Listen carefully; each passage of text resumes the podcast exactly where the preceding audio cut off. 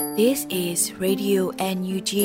the voice of National Unity Government of Myanmar, broadcasting for Myanmar's Spring Revolution. Radio NUG is transmitting from shortwave 16 meter 17.79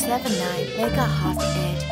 8:30 a.m. and 25 meter 11.94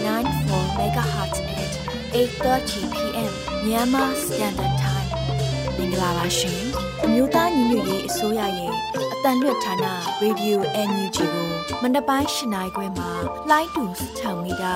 19.7ခွန်ကုန်းမဂါဟတ်စ်နဲ့ညပိုင်း၈နိုင်ခွဲမှာလိုင်းတူ25မီတာ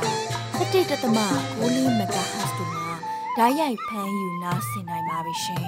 မင်္ဂလာအပေါင်းနဲ့ကြိတ်ဆုံကြပါစို့အခုချိန်ကစပြီး Radio NUG စီစဉ်လေးကိုဓာတ်ရိုက်အတန်နဲ့ပြင်နေပါပြီ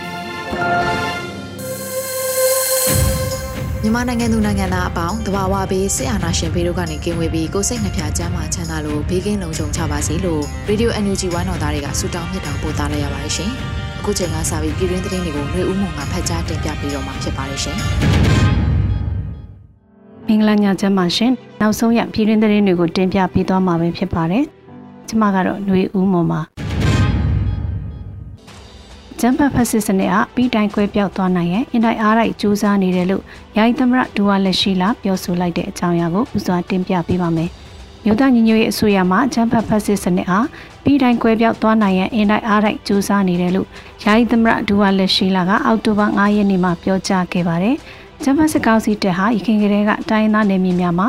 ဆီယာဆွေးမှုကျူးလွန်ခြင်းလူမျိုးတုံးတပ်ဖြတ်မှုတွေကိုကျူးလွန်ခဲ့ပြီးဖြစ်ပါတယ်။ကျွန်တော်တို့အမျိုးသားညီညွတ်ရေးအစိုးရမှလည်း ဆိုပါအကြမ်းဖက်ဖက်စစ်စနစ်ဟာအပြီးတိုင်ကွဲပြောက်သွားနိုင်ရန်အင်တိုက်အားတိုက်ကြိုးစားနေပါတယ်လို့ဆိုပါတယ်။2021ခုနှစ်စက်တင်ဘာ9ရက်နေ့မှာပြည်သူ့ခုခံတွန်းလှန်စစ်များစတင်မှုမြို့သားညီညွတ်ရေးအစိုးရဟာနိုင်ငံတော်ကိုအရေးပေါ်အခြေအနေကြေညာခဲ့ပါတယ်။လက်ရှိမှာပြည်သူ့ခုခံတွန်းလှန်စစ်တနစ်တာကာလအတွင်းစစ်ကောင်စီတပ်ဖွဲ့ဝင်2000ကျော်သေဆုံးခဲ့ပြီးဖြစ်ပါတယ်ရှင်။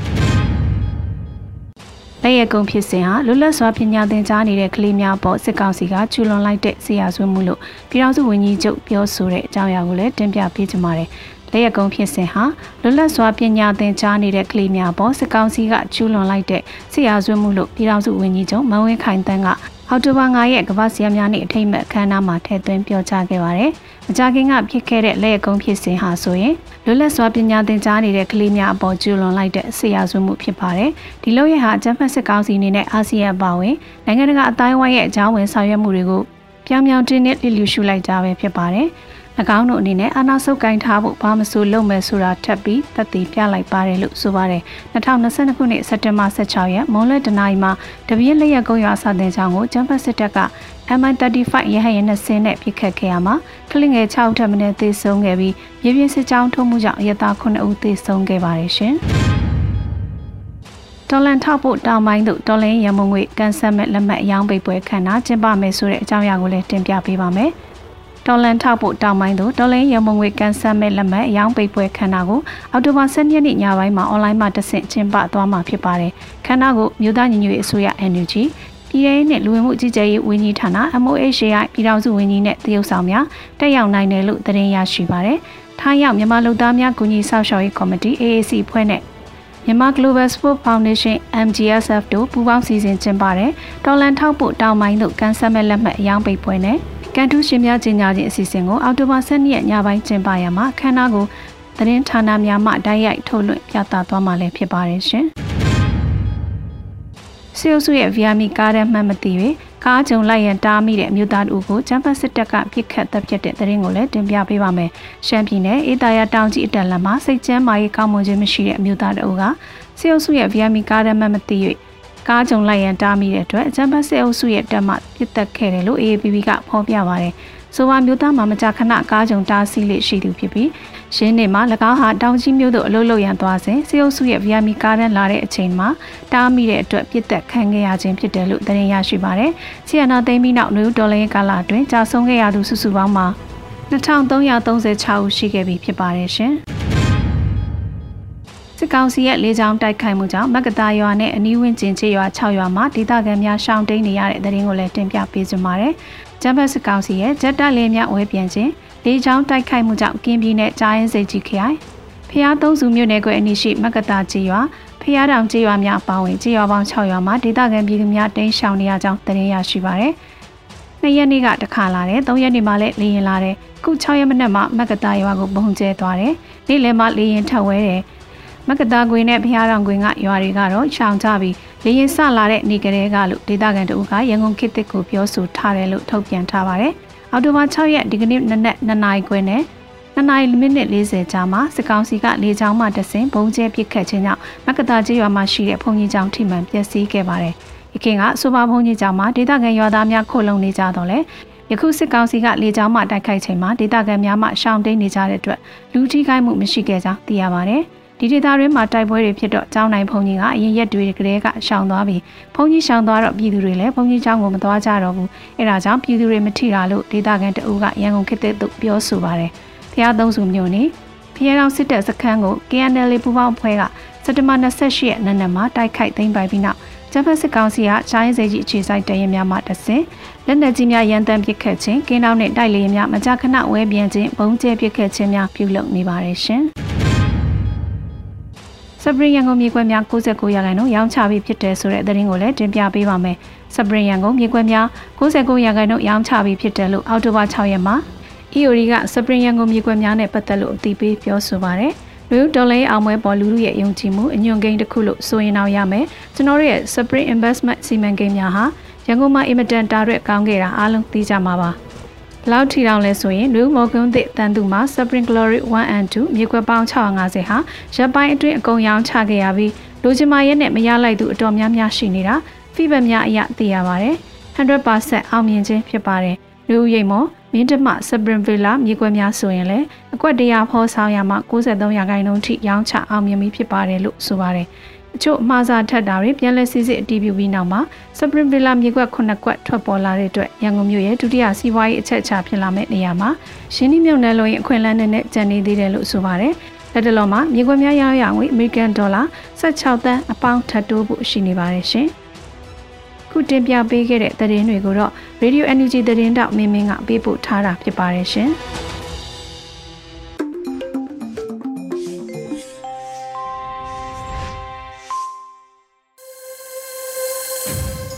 အခုဆက်လက်ပြီး Radio NUG အမေးဖြေကဏ္ဍမှာနိုင်ငံခြားရေးဝန်ကြီးဌာနဒုတိယဝန်ကြီးဦးမိုးစောဦးနဲ့အမေးဖြေအပိုင်းတစ်ကိုຫນွေဦးလေးပြေကမေးမြန်းထားပါတယ်ရှင်။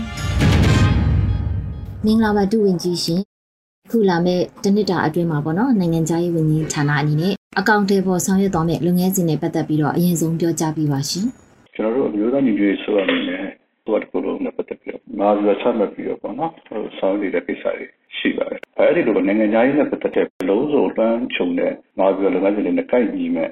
နိုင်ငံခြားရေးနဲ့ပတ်သက်တဲ့တိကျဆောင်ရွက်မှာပြီးတော့လုပ်ငန်းစဉ်တွေရေးဆွဲပြီးဆောင်ရွက်တဲ့ရှိပါတယ်။အဲ့တော့ဒီတစ်နှစ်စာအတွက်ကိုရေပေါ်အဖြစ်မာဇာရေးဆွဲပြီးတော့ဆောင်ရွက်ဖို့ဆိုပြီးတော့ပြင်ဆင်နေတာရှိပါတယ်။ပြင်ဆင်ပြီးတော့စတင်နေဆောင်ရွက်နေတာရှိပါတယ်။ပြီးခဲ့တဲ့ကျွန်တော်တို့6လအတွင်းကသုံးပြီးခဲ့တဲ့မှာပြီးတော့ဒီပေါ်မှာပဲအခြေခံထားတာရှိပါတယ်သဘောအပြင်ပြောရမယ်ဆိုရင်တော့ဒီအမျိုးသားညီညွတ်ရေးဆိုတော့နိုင်ငံတကာရဲ့အတိအမှတ်ပြုမှုတွေပို့ပြီးတော့ရရှိ စေတာဖို့ဆောင်ရွက်တဲ့ကိစ္စတွေရှိမယ်။နောက်တစ်ခါဒီစေအုပ်စုပေါ့လေနိုင်ငံတကာဒီမျိုးစုံနဲ့ဖိအားပေးနိုင်ဖို့ကိစ္စတွေရှိမယ်။နောက်တစ်ခါကျွန်တော်တို့လူတော်လှန်ရေးအတွက်နိုင်ငံတကာနေပြီးတော့မှအမျိုးမျိုးသောအကူအညီတွေရရှိလာဖို့ကိစ္စကိုလည်းဆက်လက်ပြီးတော့ဆောင်ရွက်တော့မှာဖြစ်ပါတယ်။အဲနောက်တစ်ခုကတော့ကျွန်တော်တို့ဒီစေအုပ်စုကိုနိုင်ငံတကာတရားရုံးတွေမှာပေါ့နော်အရေးယူနိုင်ဖို့ကိစ္စ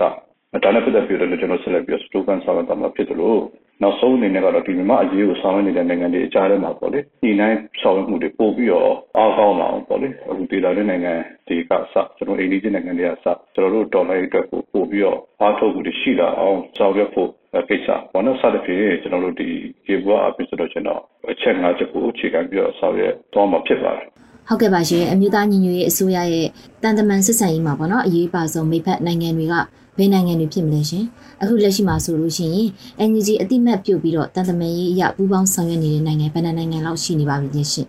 ကျွန်တော်တို့ကိုထောက်ခံအားပေးတဲ့နိုင်ငံတွေနဲ့ပတ်သက်တဲ့ဆိုလို့ရှိရင်တော့မျိုးစားအပြင်ကတော့မျိုးမျိုးခွဲလို့ရပါပေါ့နော်ချို့နိုင်ငံတွေဆိုလို့ရှိရင်လည်းပုံပွင့်နေနေမှာထောက်ခံအားပေးနေတာရှိတယ်အဲကျွန်တော်တို့လည်းဒါဆက်သွယ်ရှိတယ်ပေါ့နော်ကျွန်တော်တို့ကလည်း တန်နိုင်ငံတွေဒီတန်တမန်ရေးရဖြစ်ဖြစ်ခြားနည်းလမ်းရဖြစ်စေအကူအညီပေးနေတဲ့နိုင်ငံတွေလည်းရှိပါတယ်အဲတချို့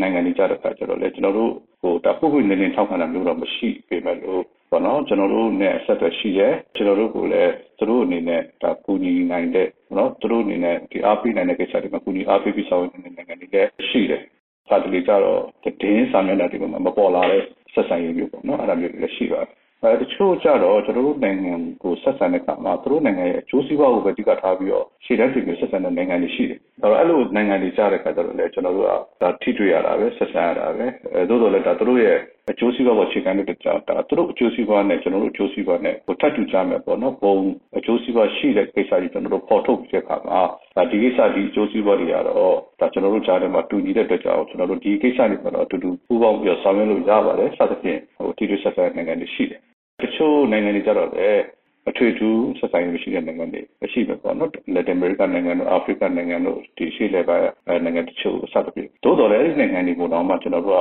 ပေါ့နော်ဂျုံဂျုံတို့ချင်းကပ်ပြီးဆောင်ရွက်ရတာမျိုးလည်းရှိတယ်အဲတချို့နိုင်ငံတွေကြတော့လည်းစစ်ကောင်စီဘက်ကနေပြီးတော့မှ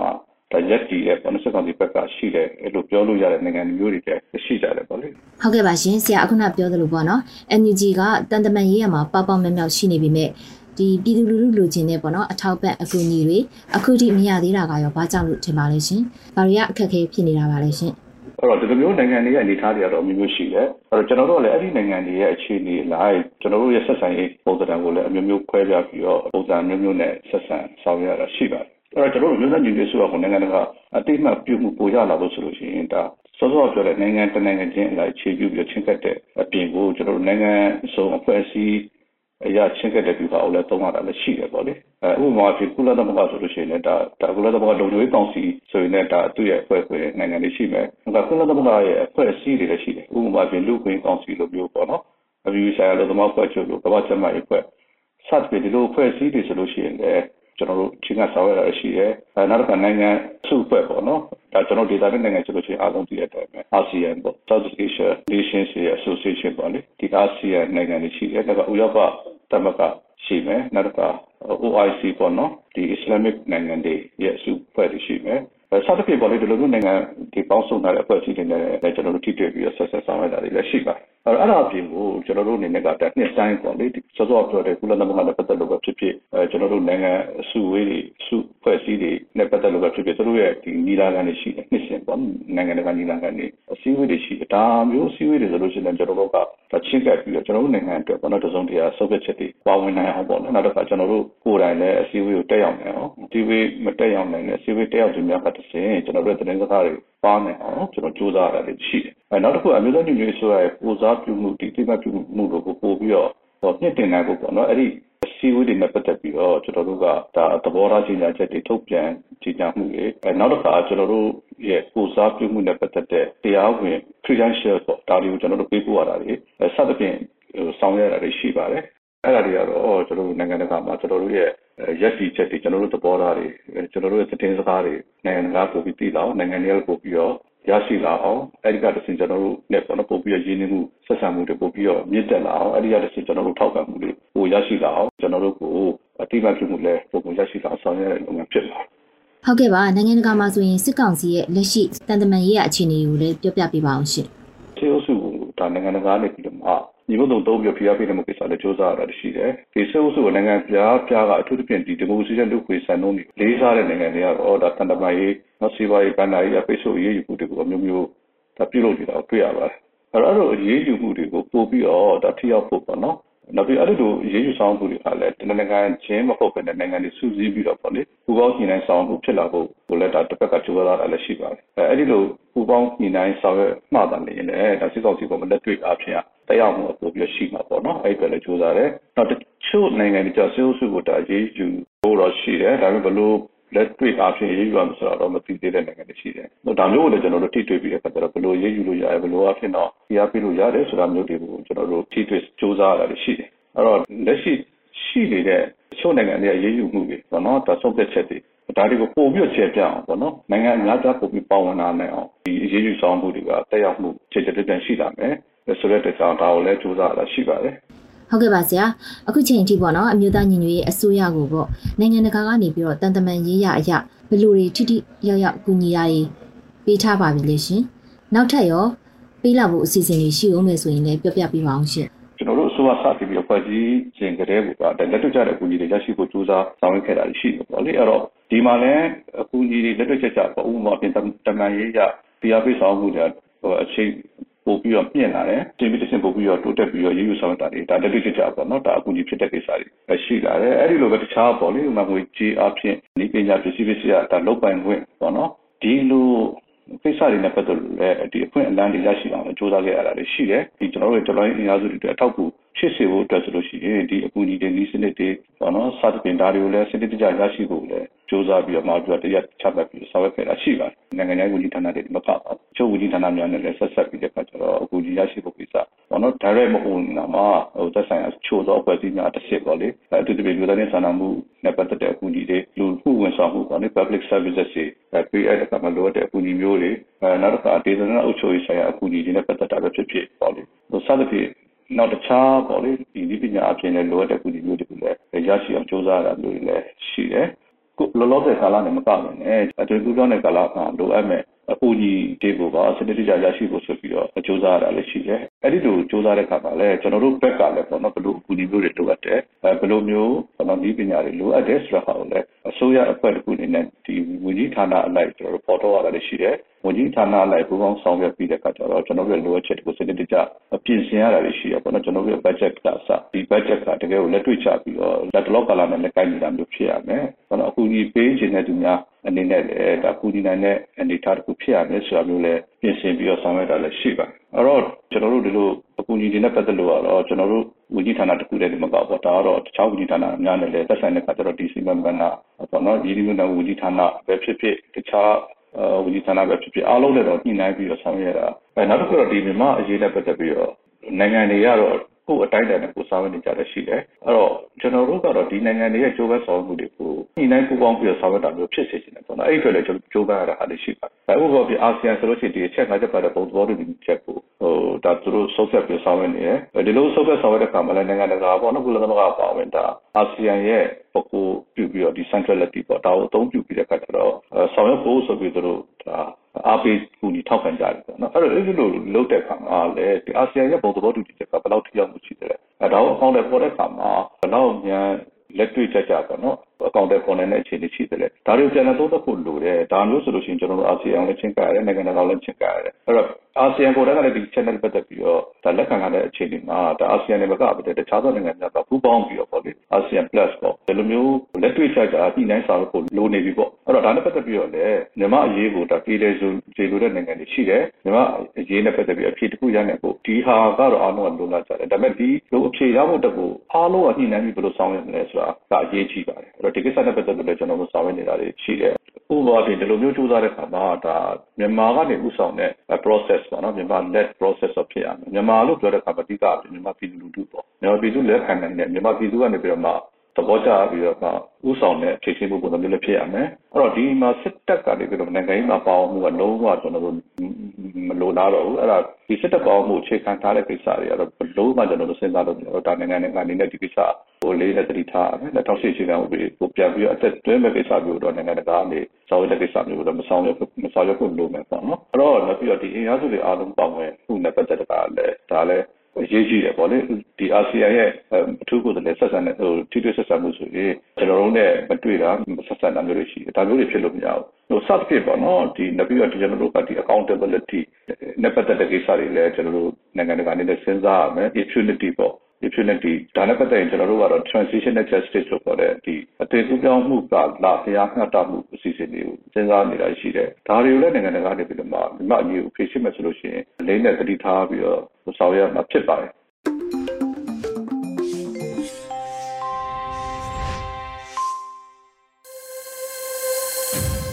အခုဆက်လက်ပြီး Radio NUG ရဲ့တော်လန်ရေးဂီတအစီအစဉ်မှာတော့တော်လန်ပြည်သူတွေတင်ဆက်ထားတဲ့ Until We See the Light ဆိုတဲ့တော်လန်ရေးတေးသချင်းကိုနားဆင်ကြရတော့မှာဖြစ်ပါတယ်ရှင်။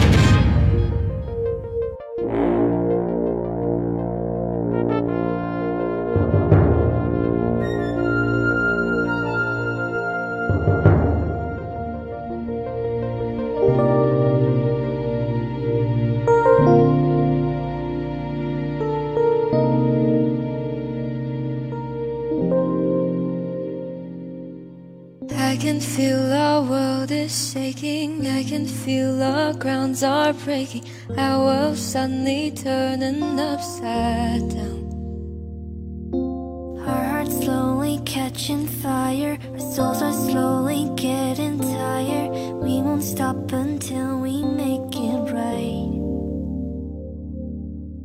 Tired, burn out, we're feeling empty. Parents crying, children dying. Dead on one's feet, times are trying. Hell is empty, devil's rising. We'll find a way, we'll be okay. We'll save the day and clear the gray. Don't stop, we keep on going. Don't stop, we keep on fighting. Don't stop, we let a fire burn until we see the light. Don't stop, we stay united. Don't stop, we stay united, Don't stop, we let a fire burn right through the darkest time.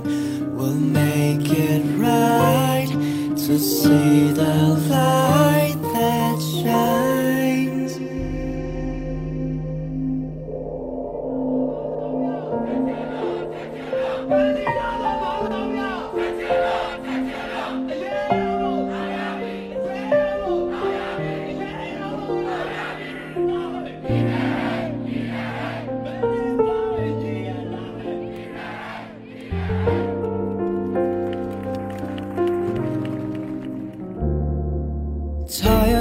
Out, we're feeling empty. Parents crying, children dying. Dead on one's feet, times are trying. Hell is empty, devil's rising. We'll find a way, we'll be okay. We'll save the day and clear the gray.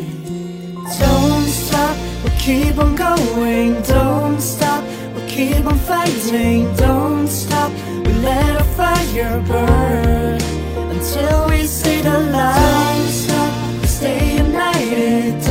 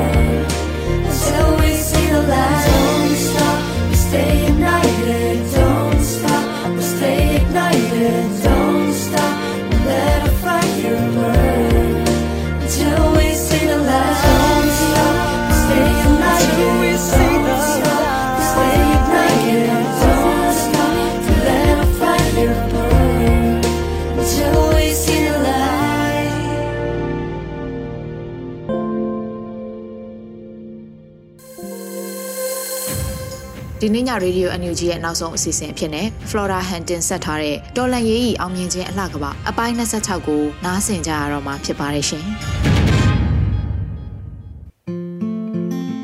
အားလုံးပဲမင်္ဂလာပါရှင်ယခုတစ်ပတ်မျိုးသမီးများကဏ္ဍမှာယနေ့အချိန်အခက်အခဲတွေကိုကြော်ဖြတ်စင်ကာလအမျိုးသမီးထုတွေရဲ့လိုအပ်နေတဲ့စိတ်သက်ခွန်အားတွေကို ဘယ်လို့ဖြည့်ဆည်းပေးကြမယ်ဆိုတာကိုကျမရဲ့အတွေ့အကြုံများအရမျှဝေပေးချင်ပါတယ်အခုလိုမျိုးအမျိုးသမီးတူများရဲ့လိုအပ်နေတဲ့စိတ်သက်ခွန်အားကိုနားလည်ခံစားပေးနိုင်မှုဆိုတာပြည်သူနဲ့ကျမတသားတည်းရှိနေနိုင်လို့လည်းဖြစ်ပါတယ်။ ဘာပဲဖြစ်ဖြစ်ယနေ့လိုချိန်ခါမျိုးမှာနေရာဒေသလိုက်အခက်ခဲပေါင်းစုံတဲ့အတူစကားဆရဲ့နှိမ့်ဆက်မှုတန်းကိုကျမတို့အမျိုးသမီးတို့တွေရင်ဆိုင်ကြုံတွေ့နေရတာပါ။အခုလိုအခက်ခဲတွေကျမတို့အမျိုးသမီးတို့အင်အားစုအနေနဲ့မိမိတို့အချင်းချင်းအားအင်ဖြည့်ဆည်းပေးနိုင်ဖို့အတော်လေးကိုအရေးကြီးပါတယ်။ကျမအတွက်တော့ယနေ့အချိန်မှာရင်ပတ်ချင်းတူသူများနဲ့သာ အခက်ခဲအဆိုးကောင်းတွေကို နားလည်ဖြည့်ဆည်းပေးခဲ့တာမဟုတ်ပါဘူးပြည်သူတွေကပြည်သူတယောက်ဖြစ်တဲ့အတွက်ပြည်သူတွေရဲ့အတွေ့အကြုံသဘောထားအမှန်တွေကိုလည်းသိရှိနိုင်ဖို့မိမိတက်နိုင်သည့်ဘက်ကနေ့စဉ်နဲ့အမျှစ조사ဆောင်ရွက်နေသူတယောက်ဆိုလဲမမှားပါဘူးရှင်ပြည်သူတွေအကြောင်းပြောတော့ကရင်နီစစ်ဆောင်မိသားစုတွေရဲ့စားဝတ်နေရေးကျန်းမာရေးကစားလို့ကျမရဲ့ အားပေးစကားတွေနဲ့အတူသူတို့တွေအတွက်အမြဲစိတ်သက်ခွန်အားတွေရနိုင်ဖို့ကျမအနေနဲ့ကြိုးစားနေထိုင်ခဲ့ပါလေအခုလိုကြိုးစားခွင့်ဆိုတာကလည်းကျမတို့နဲ့စိတ်တူကိုယ်တူဘဝတွေကိုပေးဆက်နေကြသူများ ဖြစ်တာလဲပါကြပါတယ်ကျမအတွက်တော့ဆေးရှောင်မျိုးသမီးအများစုကတခြားသူများနဲ့မတူတာတော့အမှန်ပါသူတို့တွေရဲ့စိတ်သက်ခွန်အားဇဲတက်တိ ဂျိုးပန်းချက်များကလည်းအနာဂတ်တိုင်းပြည်တည်ဆောက်ရေးမှာအားရကျေနပ်ဖွယ်အတိဖြစ်ခဲ့ရပါတယ်မိုးမလုံးနှင်းမိုးတွေကြနေတဲ့အကားရန်မပြည့်စုံလာတဲ့အဆောက်အုံတွေမှာနားခိုကြရင်မိမိတို့မိသားစုဘဝတွေအသက်ရှင်နိုင်ဖို့ပထမအဆင့်အနေနဲ့စူးစမ်းနေထိုင်ရသူတွေလည်းဖြစ်ပါတယ်။ဒါ့အပြင်ဆစ်ဆောင်ဆိုတဲ့မိသားစုများရဲ့ဘဝတွေက ပင်ပန်းဆင်းရဲခြင်းများစွာနဲ့စားဝတ်နေရေးကိုဖြည့်ရှင်းနေကြရတာဖြစ်တယ်လို့မိမိတို့ရဲ့သားငယ်သမီးငယ်များရဲ့အနာဂတ်ဘဝတွေလှပဖို့ပညာရေးအတွက်လည်းမလိဟင်းရအောင်မိခင်များရဲ့စုပေါင်းအင်အားနဲ့ရောက်တဲ့နေရာမှာမြေပြင်ကိုစာသင်ခန်းလုပ်လို့မိမိတို့သားသမီးများအတွက်ပညာဆက်လက်သင်ကြားနိုင်မှုစွမ်းဆောင်နိုင်သူတွေလည်းဖြစ်ကြပါတယ်။အခုလိုချိန်နေမှာပဲကိုရဲ့ပိုင်းစီက မိဘဆရာမတယောက်ကကျမကိုသူမရဲ့အခက်အခဲတွေရင်ဖွင့်ခဲ့ရှာတယ်။တချို့ကလေးငယ်တွေကမိဘတွေမရှိကြသလိုတချို့ကလေးတွေကြလည်းမိဘတွေနဲ့ခွဲပြီးဘေးကင်းရာလွတ်မြောက်ရာနေရာတွေမှာနေထိုင်နေကြရတာပါအခုကလေးတွေအခြေအနေကအခက်အခဲပေါင်းစုံနဲ့နေစရာမရှိနားခိုရမဲ့နေတဲ့ဆိုတာမျိုးကစလို့ကျမကိုရှင်ဖွင့်လာတယ် ကျမကတော့နှုတ်အားဖြင့်သာစောင့်မခြင်းဖြင့်ဆီယမ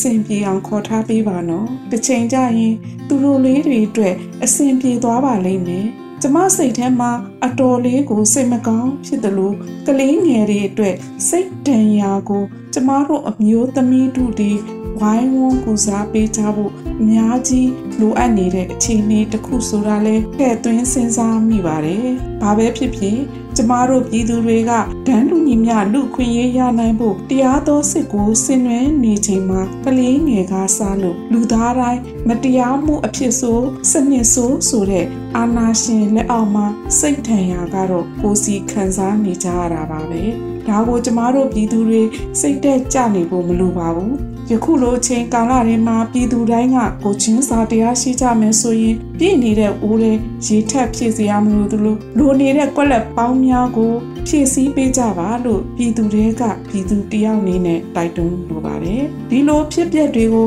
တရားသဘောနဲ့နေထိုင်ကျင့်သုံးကြမယ်ဆိုရင်ရိုင်းပင်းကူညီကြမယ်ဆိုရင်အကူအညီလိုသူတွေအတွက်အားအင်ဖြစ်ရသလိုကူညီနိုင်သူတွေအတွက်တော့သိတ်ကူအေးချမ်းတဲ့ဘဝကိုပိုင်ဆိုင်ခွင့်ရကြပါပါ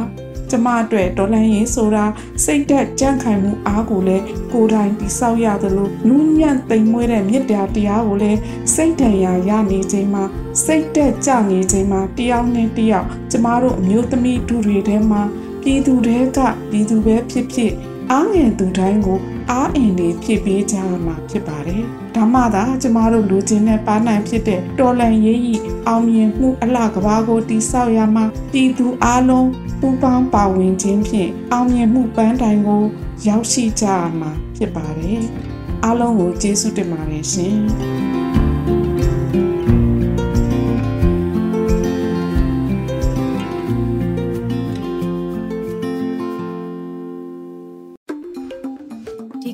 တော့ဒီညနေပဲ Radio NUG ရဲ့အစီအစဉ်လေးကိုခေတ္တရ延လိုက်ပါမယ်ရှင်မြန်မာစံတော်ချိန်မနေ့၈နိုင်ခွဲနဲ့ည၈နိုင်ခွဲအချိန်တွေမှာပြောင်းလဲဆိုပြကြပါလို့ရှင် Radio NUG ကိုမနေ့ပိုင်း၈နိုင်ခွဲမှာလိုင်းတူ16မီတာ19တက်တမခုကူမဂါဟတ်နဲ့ညပိုင်း၈နိုင်ခွဲမှာလိုင်းတူ25မီတာ17တက်တမ9မဂါဟတ်တို့မှာဓာတ်ရိုက်ဖမ်းယူနာဆင်နိုင်ပါပြီရှင်။ မြန်မာနိုင်ငံသူနိုင်ငံသားများကိုစိတ်နှဖျားစမ်းမချမ်းသာလို့ဘေးကင်းလုံခြုံကြပါစေလို့ Radio NUG ရဲ့ဖွဲ့သူဖွဲ့သားများကဆုတောင်းလိုက်ရပါတယ်။ San Francisco Bay Area အခြေစိုက်မြန်မာမိသားစုများနိုင်ငံတကာကစေတနာရှင်များလိုအားပေးများရဲ့ Radio NUG ဖြစ်ပါတယ်ရှင်။အရေးတော်ပုံအောင်ရမည်